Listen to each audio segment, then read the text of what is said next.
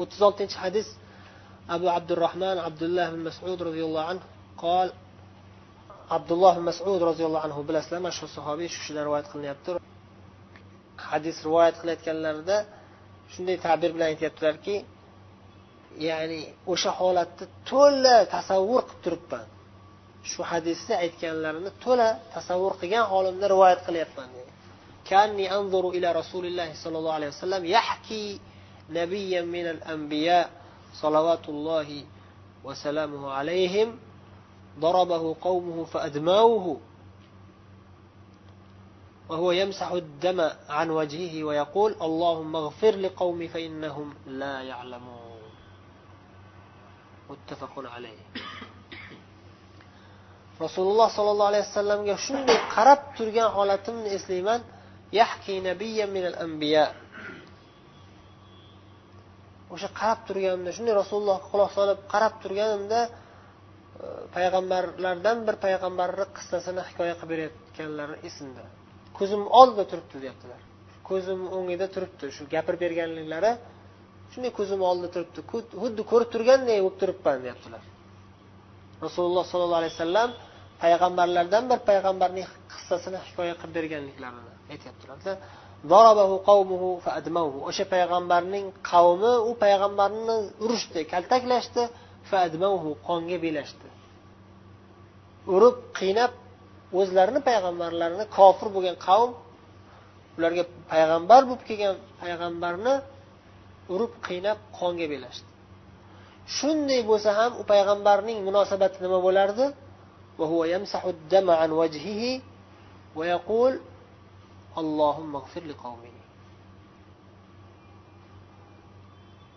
Yuzlaridan oqib tushayotgan qonni artib artib.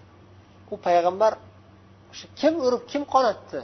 O'zini qavmi o'sha iymon keltirishga da'vat qilsa ularni u qavm u payg'ambarga qarshi xuruj qilib payg'ambarni qiynab urib qonatishgan yuzlarini shunda yuzlarini u payg'ambar artib aytardilarki ey olloh qavmimni o'zing mag'firat qilgin. Bu qavmimni o'zing kechirgin. Chunki bular bilishmayapti tushunishmayapti. Ular zalolatda ekanliklarini tushunmasdan qilishyapti bu ishni qarang qalb pokizaligini birovlarga muhabbat ya'ni yaxshilikni muhabbatini kuchliligini. Shunchalik qiynashsa ham shunchalik ozor berishsa ham ularni ichidagi bekinib yotgan ma'lum bir uzri bo'lsa o'shani qidiryaptilar bilmasdan qiladi. Haqiqatni bilsa edi bunday qilmas edi. Xuddiki bir misol joiz bo'lsa aytish mumkinki bir ona o'zini farzandidan ozor cheksa ona yoki ota ham lekin onada bir ochiq oydin ko'rinadi bu narsa ko'proq. Bolasi har qancha yomonliklar qilsa ham voy bolam voy bolam deb turaveradi onasi. Rahmi kelib. Onasiga ozor bersa ham baribir ona bolasini yaxshi ko'raveradi. Rahmi keladi. Ota ham o'zini farzandi ko'p qiynasa ham o'zini farzandida baribir. Rahm kelib o'g'lini haqqiga duo qilaveradi. O'g'liga yaxshilik qilaveradi. Shu o'g'lim bilmayaptida deb tushunmayaptida o'g'lim. Tushunsa bunday qilmasdi o'zi yaxshi bola edi bu. O'zi yaxshi bola deb rahmi kelaveradi. Shunga o'xshab payg'ambarlar ham o'zlarini qavmlarini o'zlarini farzandlaridek hisoblashardi. O'zlariga yaqin bir odamdek hisoblashardi. O'zlarini ukalaridek hisoblashardi. Akalar yoshi katta bo'lsa. Rahmlari kelib o'zlarini qavmlariga kofirlik kofir qavm bo'lsa ham yomonlik qilsa ham rahmlari kelib o'shani haqqiga duo qilishardi shu payg'ambarlardan birini qissasini aytib berib shunday deganini hikoya qilganlar rasululloh sollallohu alayhi vasallam va buni ibn masud yodlab qolganlar. Shu darajada ta'sirli ta'sir kuchli bo'lib miyalariga o'rnashib qolganki gapirib berayotganlari rasululloh sollallohu alayhi vasallam shu qissani hikoya qilib berayotganliklarini ayla atroflari bilan hammasini shunday tasavvur qilib yodlab olganlar. Ko'rib turganday bo'lib turaman. Haligacha shu ko'zimni oldida turadi. Payg'ambarimiz aytib bergan hikoya dedilar muttafaqun alayh. Bu hadisda ham juda ko'pdan ko'p foydalar bor. Eng asosiy foydalardan biri demak sabr da'vat yo'lida ayniqsa. Da'vat qilishdan oldin talab ilm qilishimiz kerak. Talab ilmga demak sabr qilishimiz kerak birinchi o'rinda. Ulamolar o'ttiz yil qirq yil ellik yil talab ilm qilishardi. Sabr sabot bilan. Lekin bu yerda aytmoqchi bo'lgan masalamiz da'vat yo'lida ozor chekish. Da'vatga chiqishdan oldin ilm olib turish kerak. Chunki alloh taolo ala basira deb ta'kidlagan. Ya'ni ilm bilan da'vat qilishga buyurgan.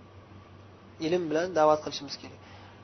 Bilmagan narsaga qanday qilib da'vat qiladi? Bilib bilmasdan aniq bilmasdan gapirishlik bu joiz emas.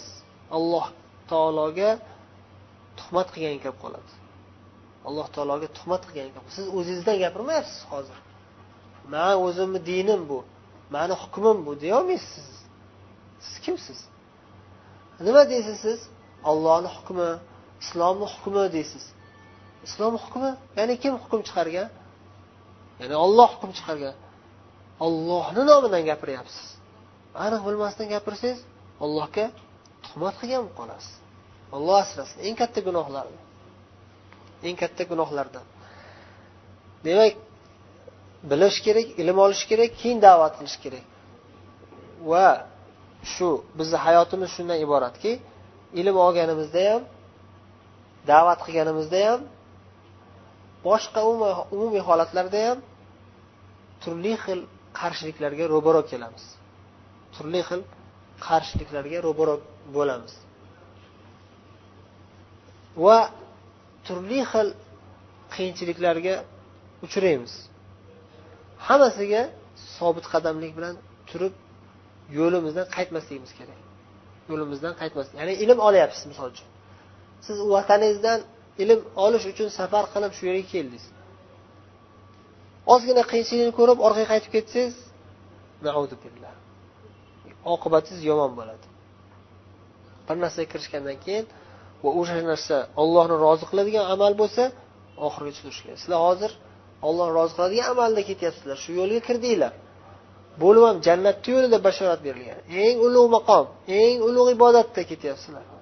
Orqaga chekinmanglar qiyinchiliklar bo'ladi aytilyapti oldindan. Unga sabr qilishimiz kerak. Undan keyin keyingi bosqich keladi hali. o'n yildan keyinmi o'n besh yildan keyinmi bilmaymiz. Balki bir yildan keyin balki ikki yildan keyin. Chunki ba'zi birodarlarni ko'rdik. Bir yil o'qib vataniga qaytib ketishga to'kib qolib qaytib ketsa borgandan keyin u yoqdagilar siz madinada o'qib kelgansiz? Makkai mukarramada o'qib kelgansiz? Buni hukmi nima buni hukmi nima bizga mana buni o'rgating bizga mana kitobdan o'qib bering bizga dars bering deb minglab odamlar talab qilib haligi odam domla bo'lib qoldi. O'zi aslida ellik yil o'qish kerak bo'lgan odam. Bir yildan keyin domla bo'lib qoldi. Bu ham taqdir endi. O'zi o'zi xohlab bunday qilishi mumkin emas o'zi. Hali chala mulla ham emas. Hali u darajaga yetgani yo'q. Lekin lekin hechdan ko'ra shunisi ham ya'ni ballig'u anni vala aya degan hadisga shu yerda amal qilish kerak bo'ladi. Ballig'u anni valau aya. Bitta oyatni o'rgangan bo'lsanglar ham mandan yetkazinglar. Siz hozir madinada endi bir yil o'qib ketgan bo'lsangiz ham maydonga tushib qoldingiz endi. Boshqa chorangiz yo'q. Sizdan boshqa hech kim yo'q. Eng olimi sizsiz hozir. Qolganlar hech narsa bilmaydi. Namoz o'qishni ham bilmaydi. Hech narsa bilmaydi. Tahorat qilishni ham bilmaydi. Sizdan so'rayapti. Javob bermasangiz bo'lmaydi. Islomga xizmat qilmasangiz bo'lmaydi. Gunohkor bo'lasiz. Siz har holda ilmingiz bor. Ozgina bo'lsa ham. Sizdan odamlar so'ramasa ham borishingiz kerak. O'zi aslida dars berishingiz kerak. Bilgan narsangizni yetkazishingiz kerak. Demak ikkinchi bosqich da'vat ta'lim tarbiya maydoni oldinglarda kutib turibdi hali. Hozir madinada e biz kimmiz hech kim emasmiz biz? deb aytishinglar mumkin o'zinglarcha. Sizlardan hech kim talab qilmasligi mumkin dars bering deb turib. Va natijada qiyinchilik ko'rmasligingiz mumkin hech kim sizga baqirmasligi mumkin. San qanaqa domlasan o'zi? deb misol uchun.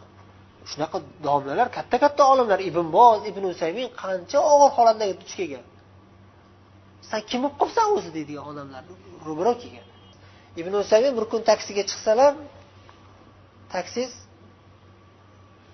muzika qo'yibdimi sigaret chekibdimi shunday bo'libdi. Ibn usayminligini bilmaydi bu kishini. Ibn usaymin katta olim. Taksiga amri ma'ruf qilganlar keyin. Nahiy munkar qilib e bu harom bo'lmaydi san kimsan o'zi degan san kimsan o'zingcha? Fatvo beryapsan san qur'onda aytilgan hadisda e san kimsan o'zi? deyapman. Man ibn usayminman desa a san ibn usaymin bo'lsang man ibn bozman deb maqtangan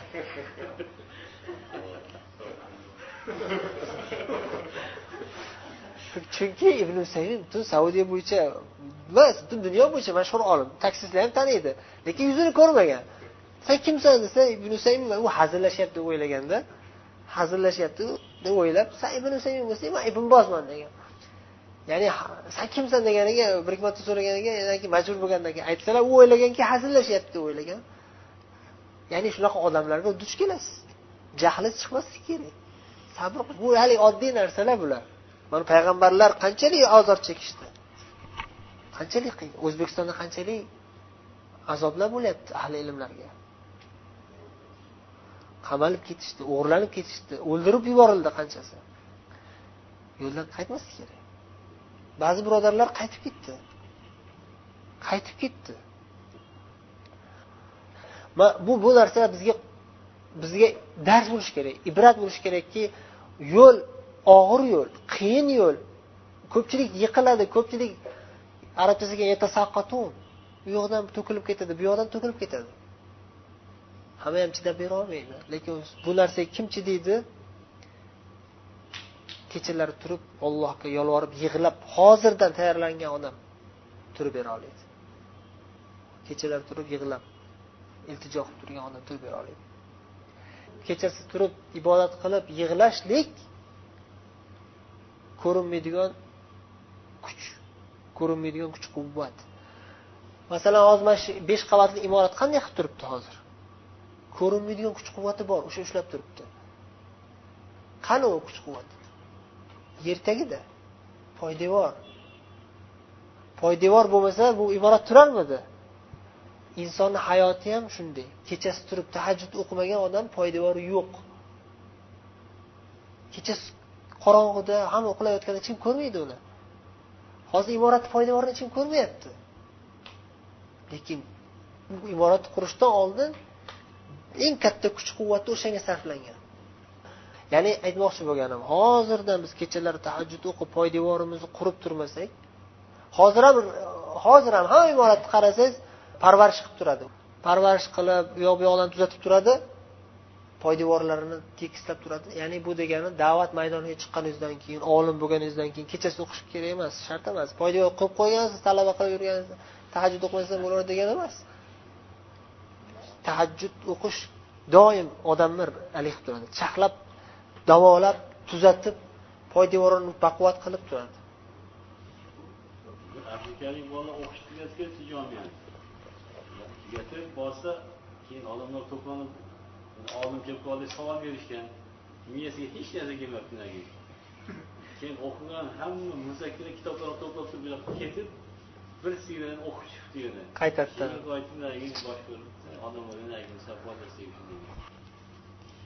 سبحانك اللهم وبحمدك نشهد أن لا إله إلا أنت نستغفرك ونتوب إليك alloh taolo o'zi hikmati buyuk zot Vaqt soati bor hamma narsani biza hoziroq halok bo'lib o'rniga yaxshi odam kelishni xohlaymiz duo qilamiz. Va shu bilan birga ma'naviyatimiz shu darajada baland bo'lishi kerakki ming yil tursa ham zarar qilmaydigan ma'naviyat bo'lishi kerak. Ta'sirlanmaydigan.